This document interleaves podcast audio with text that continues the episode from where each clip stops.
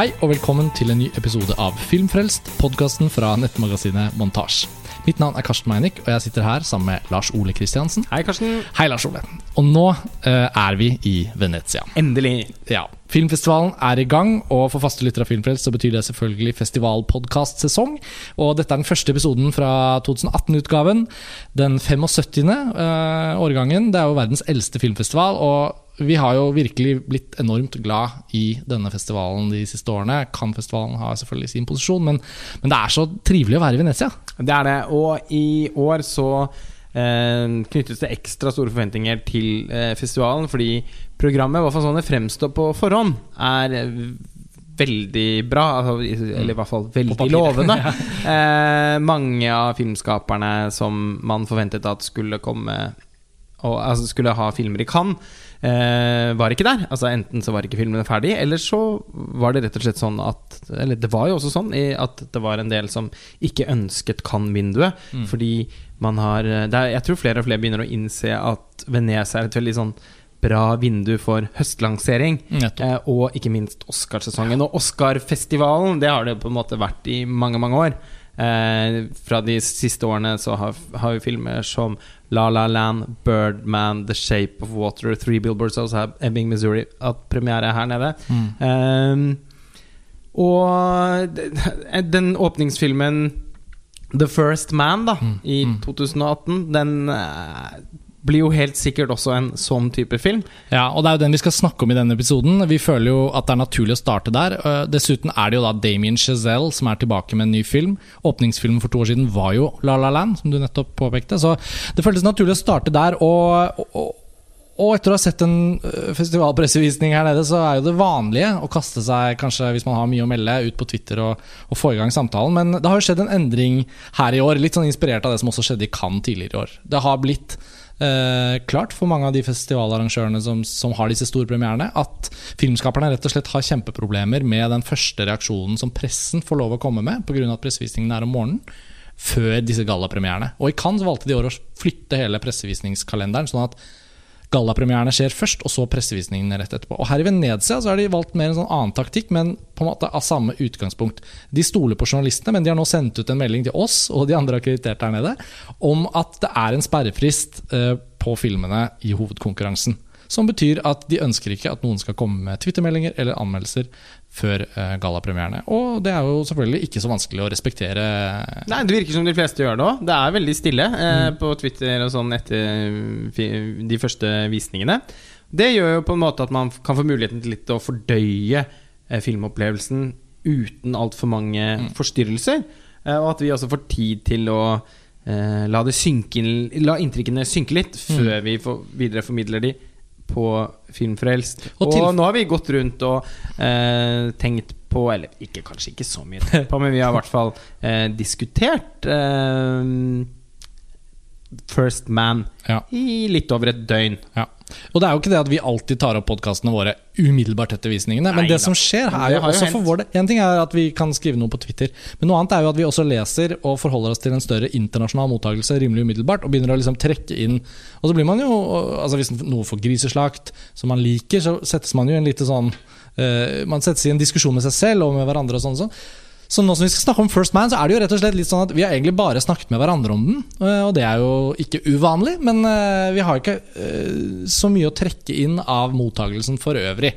Du, men du, jeg har faktisk ikke på det i det hele tatt? Bare, jeg har bare sett grovt, og vi kan jo komme inn på det. For min spådom er jo at dette er en film som kommer til å bli jevnt over ganske godt mottatt. Det er en veldig solid, ja. uh, tilsynelatende solid og bra film på noen måter, og det skal vi komme inn på. Men vi kan først si kanskje hva den handler om. Uh, vi sa at den er laget av Damien Giselle, men dersom noen ikke vet, så er dette altså den sanne historien om det amerikanske romfartsprogrammet og Neil Armstrong sin rolle i det programmet, frem til han ble førstemann som satte sin fot på månen. Og det er jo en, en av de store liksom, oppdagelsesferdene som gjensto. Og da dette skjedde i juli 1969, jeg husker ikke akkurat datoen på stående fot, men da var det jo Det er jo en sånn type ting. Det er jo en av de få tingene. Altså, Columbus var den første som satte sin fot første siviliserte vestlige person, må sies, som satte sin fot på det som viste seg å være det amerikanske kontinentet. Og så er det sånn type Neil Armstrong satte sin fot på månen. Det er liksom ikke så mye annet. Og så er det de andre oppdagelsesreisene fra Columbus sin tid og sånn, men hva var det som ble stående? Vasco da Gama. Ja, ja, og så skulle Magellan, ikke sant. Men i hvert fall, uh, fortellingen om Neil Armstrong uh, utspiller seg da i filmen i løpet av ca. en tiårsperiode. Åtte-ni år kanskje, fra starten av 60-tallet frem til 1969. Neil Armstrong spilles av Ryan Gosling. Hans kone, Jan, spilles av um, hun fra The Crown. Nå glemte jeg navnet hennes på uh, Ja, Claire Foy. Der Yes. kom det. Som vi sist så i Unsane i Berlin. En veldig god britisk skuespillerinne. Og, og så er det Chazelle da på regi. Manus er skrevet av Joss Singer, som skrev Spotlight, og han bidro på The Post. Så det er jo liksom litt sånn et stjernelag. Og det er Ja. også Chazelles første studiofilm. Men han, han har jo blitt en sånn filmskaper etter La La Land hvor vi er litt sånn spent, på en måte. Ja, jeg kjenner nå er jeg virkelig Nå er jeg litt på vent. Uh, han Altså, Whiplash syns jeg var uh, skikkelig sånn heroinsprøyteaktig da den kom. Ja, dritbra film. Ja, så bra. Og, og den introduserte liksom et helt sånn åpenbart nytt sånn virkelig sånn filmskapertalent. Mm. Jeg følte at det var sånn Aronofsky-potensialet. Eh, og, i, noe av i den- Chazelle, i lys av den filmen. Og noe av presisjonen til liksom typen Fincher, uten at han er så god, men sånn, det var noe med den filmen som var sånn oh, Ja, ja, men Får altså vi en sånn- ny sånn? Så jo, men Med tanke på hvor tidlig han var i karrieren, da altså, sånn, Filmen er ikke noe dårligere enn Alien 3. Så eh, altså, virkelig. Det var sånn samspill mellom kamerabevegelser, klipp, lyddesign. Sinnssykt bra bruk av musikk. Det var og, og en sånn Det var jo en intensitet i eh, altså skuespillerprestasjonene som vitnet om en veldig sånn eh, han, altså Skuespillerinstruksjon, rett og slett, Mm. var også imponerte meg veldig. Så jeg jeg, jeg fikk så innmari høye forventninger til han. Og så ble de først innfridd. Eh, sånn ca. 40 minutter ut i La La Land.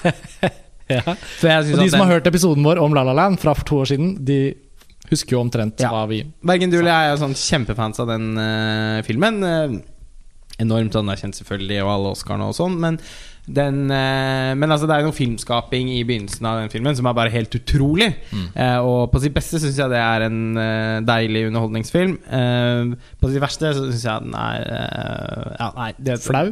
Ja, rett og slett litt sånn flau, ja. Mm. Og sånn Litt sånn søt og, og litt hipp på en sånn På en sånn måte som jeg bare sånn skikkelig ikke liker. Mm. Så, men eh, og, så, og så i møte med First Man Så er det liksom helt åpenbart at Giselle nå har laget da noe helt annet igjen. Tematisk vil den jo nødvendigvis minne mer om Whiplash. Mm. Altså Neil Armstrong som den, denne film, his, fortellingens på en måte kunstner. Mm. Eh, Den som terper på noe og, Mm. og finstiller seg selv som et instrument, på en måte, I, i denne reisen til månen. Presist. Og uh, sam, samtidig som på en måte Ja, jeg, jeg, jeg, jeg var litt spent på om Damien Giselle nå skulle i større grad vise seg som en på en måte sånn autør Mm. enn det jeg opplevde at eh, La La Land ga inntrykk av. Mm. Eller det motsatte. Uh, og dessverre, da, så syns jeg jo uh, han nå har laget sin minst liksom personlige egenartede film. Mm. Ja, altså Det Chazelle også har gjort her, er jo å ta sitt første steg inn i studiosystemet. Nå er jo disse linjene mellom hva som er en studiofilm og ikke i Amerika, er jo på en måte litt vasket ut, fordi en film som La La Land, som fremstår som en kjempevelprodusert Hollywood-film med superstjerner, med, med, stånd, med nostalgi for det gamle og sånn og sånn, og sånn Uh, den er jo faktisk uavhengig produsert. Men men, eh, men First Man er en Universal Studio Pictures Presents. Altså Det er en klassisk studiofilm. Og Man kan jo også undre på hvorfor historien om Neil Armstrong ikke er filmatisert tidligere.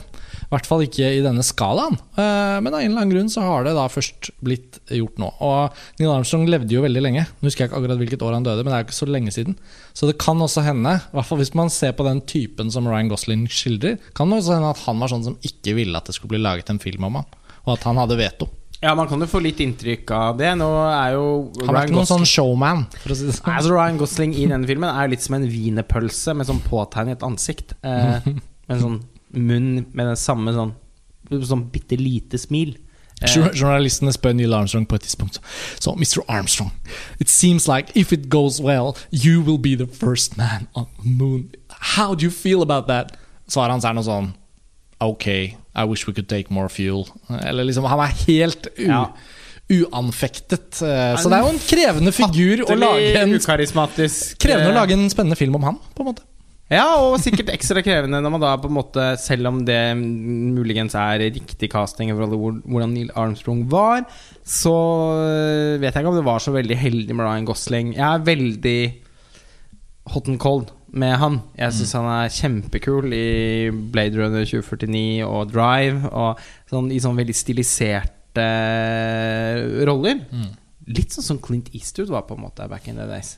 Men så eh, Desto mer fiksjonelt univers, desto bedre. ja, på en måte. Fordi jeg, jeg, jeg, jeg sliter med å liksom Jeg syns liksom ikke Gosling er noen gripende skikkelse når han skal Når, han- når han skal være mer menneskelig. Mm. Jeg syns jo også han var ganske håpløs i La La Land. Jeg følte hele tiden at han var liksom for god, for kul for den filmen, og at han te tenkte det selv At òg. han sto og lente seg mot veggen og så på filmen mens den utspilte ja, seg. Emma Stone ga alt hun hadde. Ja, det gjorde hun. Ja, Vrengte sjela, hun. Ja, det, Nei, men- hun var kjempebra. Poenget ditt er bra i forhold til First Man. Det er det.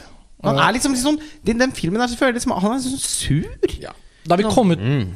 da vi Mm. kom ut av kinosalen, så lot, var det tydelig ganske raskt at jeg hadde likt filmen litt bedre enn deg. Bare sånn for å, for å dele dette med lytterne. Eh, og nå som vi har diskutert den, så har vi jo Det er kanskje konsekvensen vår av å være nære kollegaer, er at vi liksom diskuterer oss inn mot enighet. Fordi vi vil som regel finne forståelse i hverandres argumenter. Ja, det er veldig det er- sjelden vi blir stående steilt Ja, eh, og, er- og vrinske fra hver vår kant om en sjelden. film. Men det er nå engang sånn det er, og jeg må innrømme at diskusjonen vi har hatt, har jo også gjort at jeg jeg tror jeg kan identifisere visse elementer av det som gjorde at jeg likte filmen. Eh, Jeg ser poenget ditt om Gosling, men jeg syns samtidig også at han gjør en helhjertet innsats her. Og jeg tror Det er jo ikke det at han Nei, er dårlig. Nei, ja, og det skjønte jeg, det vet jeg. Men Ja. nå kunne det høres ut som du syntes det, var liksom dårlig. oppsynet. Ja, altså, den men jeg tror det handler mye om Armstrong også. Altså, Ja, fordi det er en utfordring når du Men han minner jo minner altså, jo sånn om en del andre tidligere Da. Jamie Fox skulle gjøre Ray Charles, så måtte han spille ham blind, fordi han var blind. Og jeg tenker at Gosling har jo også på en måte gjort Neil Armstrong sånn som Armstrong var. Det tror jeg, for jeg føler filmen er veldig opptatt av et Ja autentisitet. Og det er ikke en mutter i det romskipet, eller det er ikke en stol på, på NASA sine øvelsesrom og sånn. Og kritt mot tavle Altså Alt er sånn superautentisk. Han har jo skutt den åpenbart på 16 mm, eller veldig grovkornet 35 mm. Og kameraet beveger seg som om du filmer en dokumentar. Ikke hele tiden, men sånn tidvis.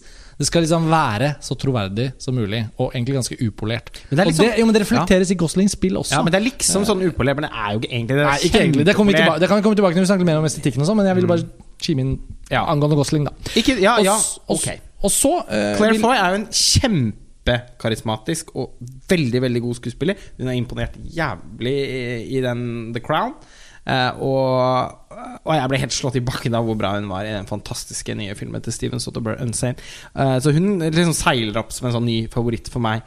Hun uh, gjør på en måte så godt hun kan, men hun har virkelig fått en sånn hjemmeværende husfruekarakter som uh, Altså som, som ikke på en måte her, her føler jeg liksom rollefiguren er en fornærmelse mot, mot henne, og hva hun, hvor, hvor, hvor bra hun kan være. Jeg syns ikke hun får muligheten til å uh, til å gjøre noe spennende i filmen. Og jeg syns samhandlingen mellom henne og Ryan Gosling, som tar veldig mye plass, overraskende mye plass, eh, var uh, bare skikkelig kjedelig.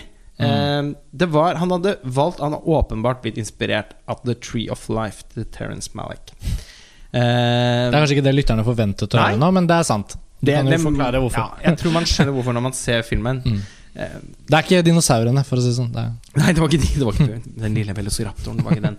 Eh, den dukker ikke opp her. Men eh, man, når man har sett filmer som The Right Stuff og Apollo 13 f.eks., så er man også noen ganger liksom Noe av det mest spennende med de filmene er jo ofte skildringen av samholdet mellom astronautene. Samarbeidet, veien mot målet. Eh, at man tilbringer- løse problemer. Løse problemer, teste Altså sånn I denne filmen er det liksom en del av sånt, men jeg syns Damien Jazelle egentlig virker helt uinteressert. Det er veldig lite sånn nerdete, Mm. eh, i hvert fall i tilnærmingen. Eh, og derfor så blir han mer opptatt av at Armstrong og kona hans hadde en liten datter som hadde en hjernesvulst som hun døde av. Det er jo helt forferdelig Dette skjer i åpningen av filmen. tragisk og trist. Det skjer i åpningen åpningen av filmen. og plottet 'Reisen til månen' Neil Armstrong førstemann, det er jo ikke noen spoilere her. Sånn, bare sånn at Nei. Det er på en måte ingenting du ikke tror skjer. Alt det du tror skjer, skjer i filmen. Fordi- Åpningen kan jo på så måte, på en måte minne litt om Arrival. Ja. Eh, så eh, til Denis Villeneuve Mistet et barn, sorgen, og, men jeg må jobbe. Det blir Ikke sant. Så, og, og, og, og sikter mot stjernene. Mm. Eh, alt dette skjer så montasjeaktig raskt eh, at det blir helt umulig for meg i hvert fall å kjenne en sånn ekte emosjonell tilknytning. Jeg syns f.eks. han virker som en kjempekald og kjip far. eh, som er ganske uinteressert i barna sine, og som nesten liksom tar sønnene sine i hånden istedenfor å gi dem en klem. Altså, blir ikke grepet av han som farsfigur. Jeg tenker at han gir mest inntrykk av å være en litt sånn dårlig og fraværende far. Uh, han virker heller ikke som en spesielt ålreit uh, ektemann. Uh, men igjen så syns jeg ikke vi får nok Vi kommer liksom aldri helt inn i de situasjonene. Vi får ikke satt oss ned på bordet. De får ikke hatt en samtale som Liv Ullmann og Erland Josefsson har i Scenen fra et ekteskap. Det er ikke noe sånn Det er veldig sånn utenfra hele tiden, som liksom skal bygge kontekst. Og så skal det være litt kunstnerisk. Og så blir det sånn Og jeg føler at han har en stil i de scenene, de eh, hjem, hjemmescenene, holdt jeg på Ja. å si, som minner faktisk veldig om Terence Malick. Det er litt sånn elliptisk klippet, ofte med litt sånn harpemusikk og sånn fra Justin Hurwitz, komponisten, som vi skal snakke mer om etterpå.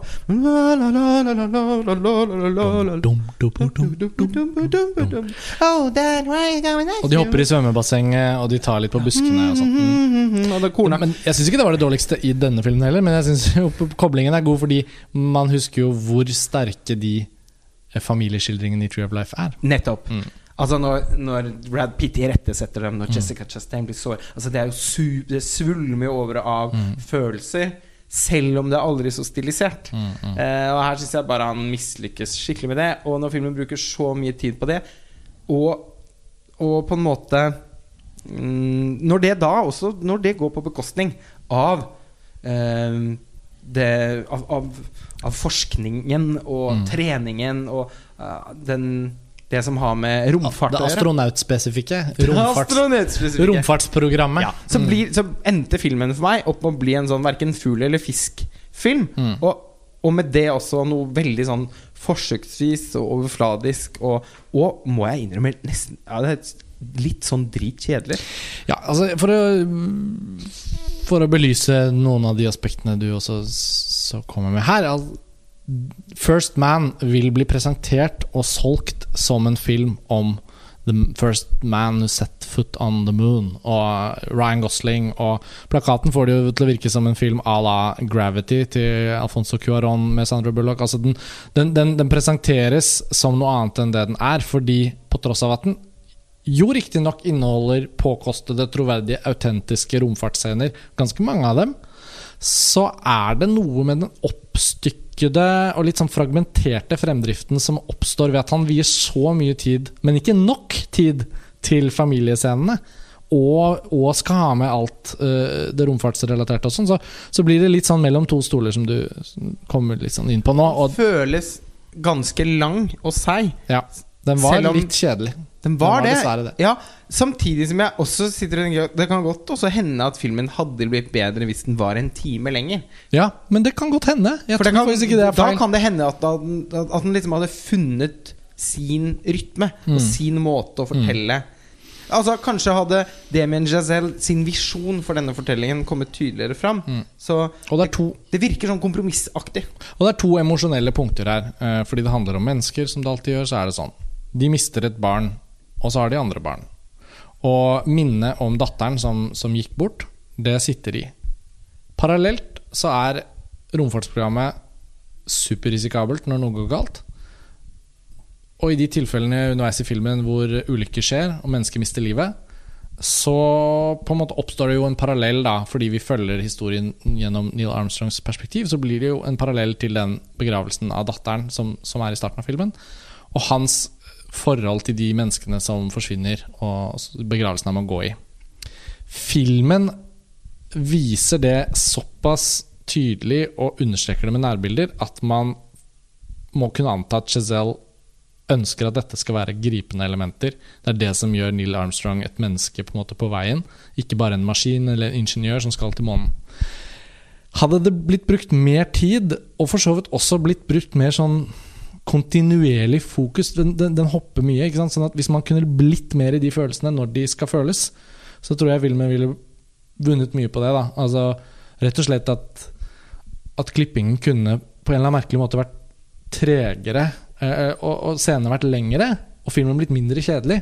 Det tror jeg jo. Ja, fordi man på en eller annen måte Det var så, det var så har Det er sånn tilløp til Ja. noe emosjonelt, Ja. og så brytes det av. Um, årsaken til det kan man jo spekulere i, men det er jo noe med at studiofilmer også Det er jo et litt annet press rundt uh, Mm. ferdigstillingen og, og hvilket fokus som må vies til hva sånn. Og det, er- det, er mange, det er mange ting i filmen som jeg føler at er sånn isolert sett kvaliteter. Altså han Linus Sangren, fotografen som vant en Oscar for La La han er jo helt eventyrlig, han. Altså dødsbra. Uh, jeg syns kanskje ikke filmen har en sånn spesifikt vellykket visjon for hvordan den skal på en måte visualisere fortellingen. Jeg følte ikke for altså sånn man Det var en film vi snakket litt om etterpå, 'Jackie'. Ja, Mm, som, som også var her. Pablo, ja, var- Pablo Larains film om Jackie Kennedy i den uken etter at JFK ble skutt. Og som har en litt sånn lignende type tekstur i 16 mm og sånn. Eh, Ikke bare lignende, det er jo nesten Det er samme grepet, føler jeg. Ja. Fotomessig. Og så kan man si at øh, den øh, Og så skilles de ad etter det, øh, fordi man kan si at Giselle har tatt mer en sånn ja, Det Marisa Alberti gjør i The Wrestler. øhm, Mm. aktig må, Altså sånn og også strukturelt. Det er veldig sånn dator, kronologi. Den går i én retning. Ja. Jackie er jo veldig spennende sånne- strukturert også. absolutt- Tidsplanene og alt. Ja, Mm. og, og da føler man har funnet en et estetisk uttrykk Mm. Som bidrar liksom til å fortelle historien. Og som blir emosjonelt på sin egen måte. Ja. Jackie, Jackie er mange hakk bedre film enn First Man. Veldig, veldig, veldig veldig mange hakk bedre film. Men, eh, men Og det er ikke det ja, men Jeg sier ikke at man skal ikke måtte kreve at enhver på en måte konvensjonell Hollywood-film skal være så eh, utforskende eh, som, som Jackie. Men jeg bare Selv om jeg syns at foto er veldig lekkert i eh, First Man, og ikke glatt heller. Altså Det er sånn tekstur, deilige svartnivåer flott bruk av rødt. Og sånn. Det er jo egentlig ting jeg liker skikkelig godt. Eh, men jeg klarer ikke å sette sånn ordentlig pris på det, for jeg føler ikke at det går opp i en Det er ikke en del av et lag som klarer å løfte det, liksom, elementene opp til å bli noe større sammen. Eh, og det gjelder eh, også på en måte produksjonsdesign, som også er kjempebra, men også litt sånn Ja, ja det, de, Altså Det har en sånn museumsaktig kvalitet. Det er sånn Dette er de faktiske Ja. dørene på bilen Ja. som Men det er også litt sånn inanimate object. Sånn, ja. Men Ja. det bare er der. Og det er så mye og, og, og da må vi jo på en måte komme inn på musikken. Og det er sikkert mange som er veldig spent på den, fordi Justin Hurwitz Altså, jeg klikket meg inn på Spotify i går, og til mitt store sjokk Ikke fordi jeg trodde Jeg, jeg regnet jo med at La La Land er et soundtrack som mange har hørt på, sånn men Justin Hurwitz sine spor fra La La Land har liksom altså sånn 50 millioner avspillinger, 45 millioner avspillinger, 35 millioner. Usedvanlig høye eh, lyttertall eh, på, på Justin Hurwitz musikk fra La La Land. Så man kan jo tenke at blant våre lyttere og blant publikum så kan det hende at Justin Hurwitz er nesten like stor stjerne, eller større, enn Damien Chazelle. Så, så, men Lars Ole, Ja, du, du, hadde, sånn. du hadde noen gode poenger synes jeg, rett etter filmen. Eh, fordi musikken er bra. Ja, Og så ti minutter etterpå i filmen så er det sånn Å, er det samme kompon... Er det samme Jo. Det er veldig men helt ujent. sant. Den Jeg tenkte da jeg så filmen, at Eller da jeg hørte filmen, at denne musikken kommer jeg til å ha glede av å høre på på Spotify i etterkant. For å gi Justin Hurwitz noen nye treff, da. eh, Ja, det trenger han. Men jo, men det var sånn I, i, i, isol, I isolerte partier så var det virkelig sånn at jeg satt liksom Jeg tok meg selv i å sitte og liksom gynge litt til musikken i sanden. Å, dette syns jeg var uh, fengende.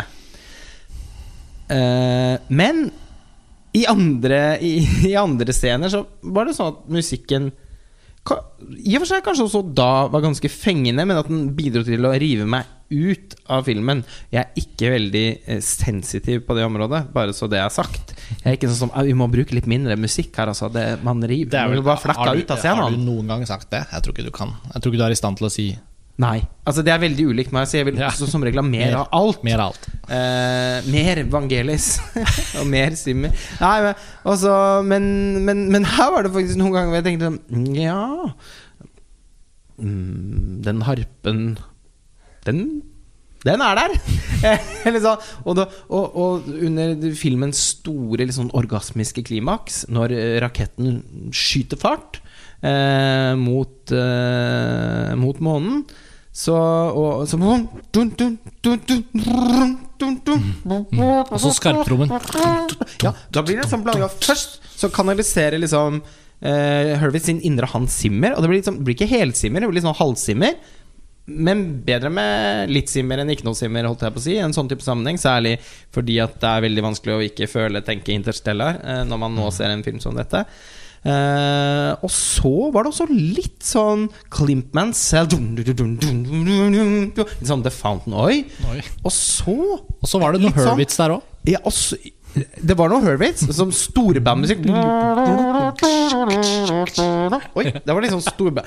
Eh, og så var det liksom kom jeg også til å tenke på ja, Bill, For Bill Conti lagde musikken til The Right Stuff. Og det var litt sånn Men det var ikke helt Bill Contis musikk for The Right Stuff. Det var litt mer sånn Bill Contis musikk til Bond-filmer på 70-tallet. Og, og, så Og litt sånn Mickey Mousing. Sånn. Og så Ja, og så kom det en litt sånn En sånn skarptromme.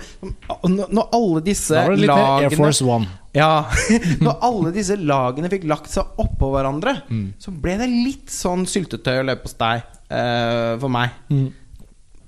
Du, veldig gode poenger. Eh, Jeg må bare Det er kanskje litt eh, omstendelig, men Nei, nei, nei, det er fint. Eh, Jeg tenker vi nærmer oss en oppsummering, og det slo meg at vi, vi har ikke glemt noe viktig, fordi du nevnte det akkurat, men vi, jeg syns vi skal avslutte med å si noe om at uh, å se First Man, det var en opplevelse som gjorde andre filmer bedre.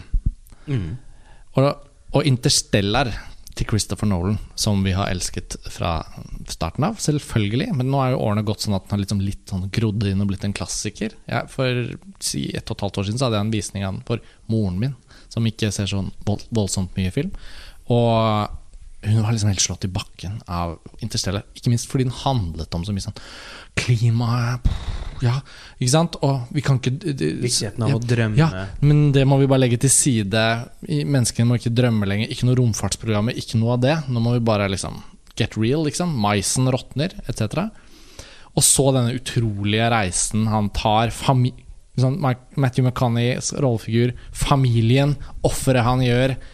Alt i Interstellar er jo Er jo liksom Ja, musikken. Altså, det er liksom bare eh, og First Man er en da film man ser, som er en sann historie om Neil Armstrong som blir den første som setter fot på månen.